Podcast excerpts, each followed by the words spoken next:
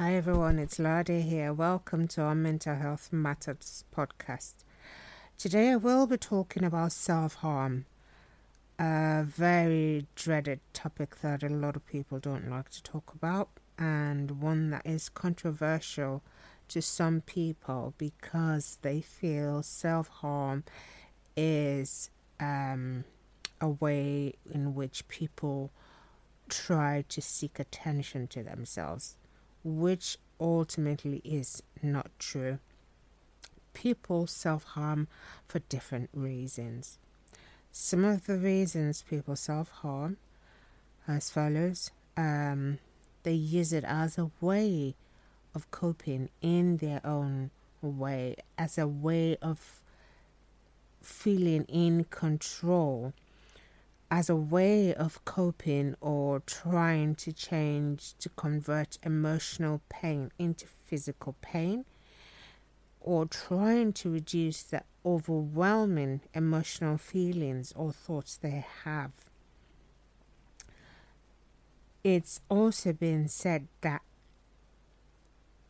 by people who self harm that they use it as a way of punishing themselves or a way of relieving unbearable tension or emotional distress.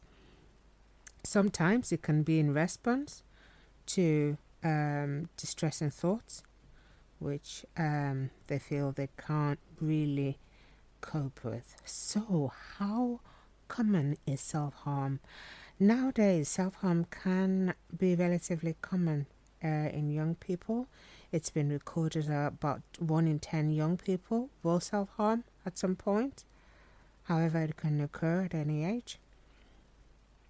And a lot of people don't self harm, don't seek um, medical advice or seek help after self harm. Different uh, types of self harm, uh, which I won't go into uh, tonight, today. Um, but I will go into what people can do to help themselves. So, self harm, as I said, can give some people a sense of self con- a sense of control because they feel uh, so emotionally distressed and self regulated that they feel self harm is an outlet for themselves. And what usually causes this emotional distress? So, a lot of uh, social circumstances, uh, being unemployed, losing their job, problems at school or pressure at school, being bullied, or family or relational problems. And also, it can be seen as um, as a symptom or sign of depression or uh, as um, something we look out for in a couple of other mental health um, disorders. So, how do we help people who want to stop self harming? It's very, very important to recognize um, why the self harming is occurring and seeking for help or opening up to somebody about it. We tend to advise um, finding out the why and looking for ways to help um, them, whoever, you know, yourself or your loved ones who is self harming.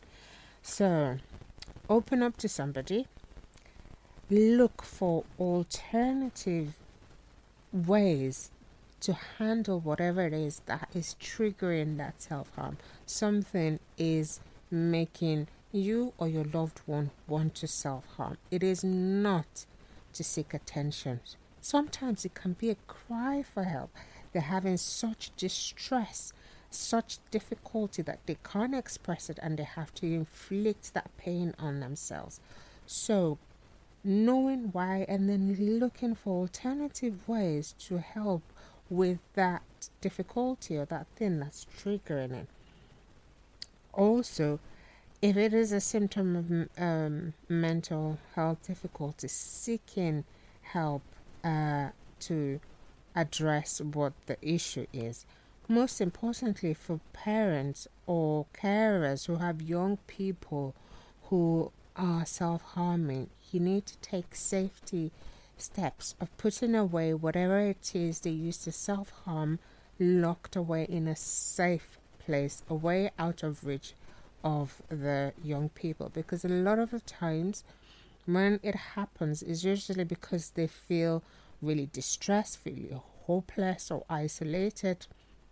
And at that time that they're trying to self harm, that period, that moment in time, it's difficult to get through to them. So you cannot say, I'll leave the knife or the blade and I'll talk to them at that time. So it's best to keep everything, whatever it is, the sharps, the objects that they can use to self harm, all locked away.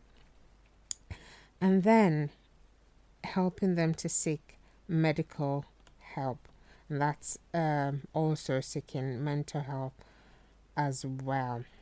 So there are different resources as well. There are different groups. There are different therapies that can be used.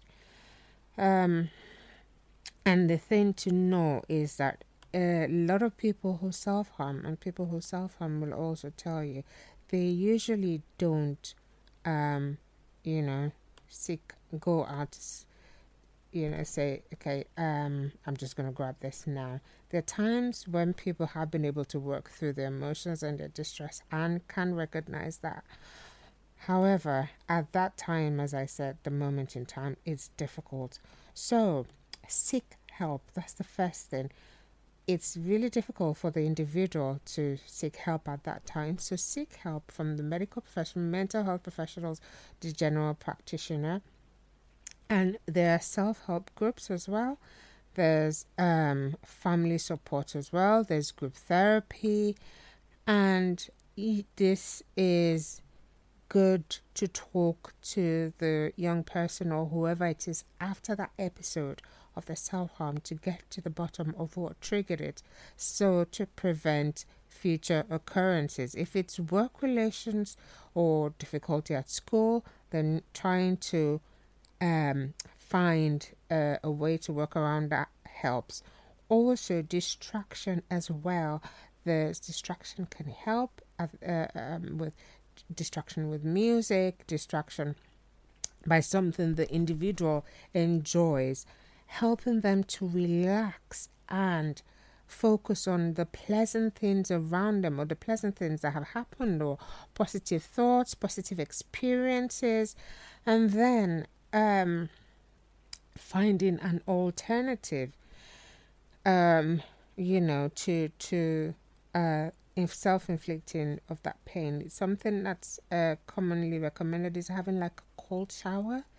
Um, you know, so that can replace that feeling um, of you know the feeling on the skin of the need uh, to or the urge to self harm also um, talking to somebody, putting those distressing thoughts, the intrusive thoughts that are making the person want to self harm, if it is intrusive thoughts that are triggering it, getting them down into a book or diary.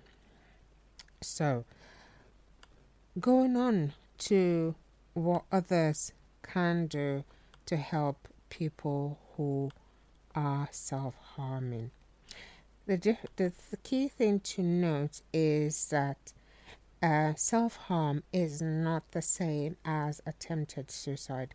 Oftentimes, self harm is a cry for help. Something is going on, and it's often not that the individual is attempting suicide. It is a serious thing, and help should be sought to understand the underlying uh, triggers. If it's mental health related, then seek um, mental health um, advice and help.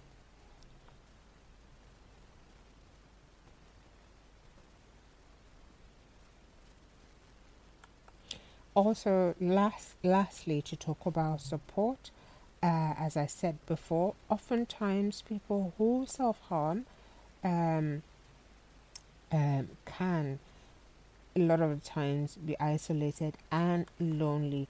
So it, it is essential to have that support in place with whether family or friends to have a safety plan um, you know that you come up with with that person with your loved one who has been going through this have contact numbers uh, for that you can contact that's for local um, health professionals or crisis lines there's a lot of crisis line out there on uh, on um, uh, by Royal Colleges of Mental Health or Royal College of Psychiatry, Mind for those in the UK, and even countries outside the UK. There's helplines.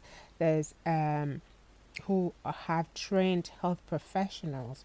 There's Shout in the UK as well. So have a safety plan. Despite putting everything away, still have a safety plan drafted by with your loved one or your friend or spouse about um, self harming because people self harm for different reasons and it can occur at any time. So it is good to have a previous plan in place about keeping your loved one uh, safe.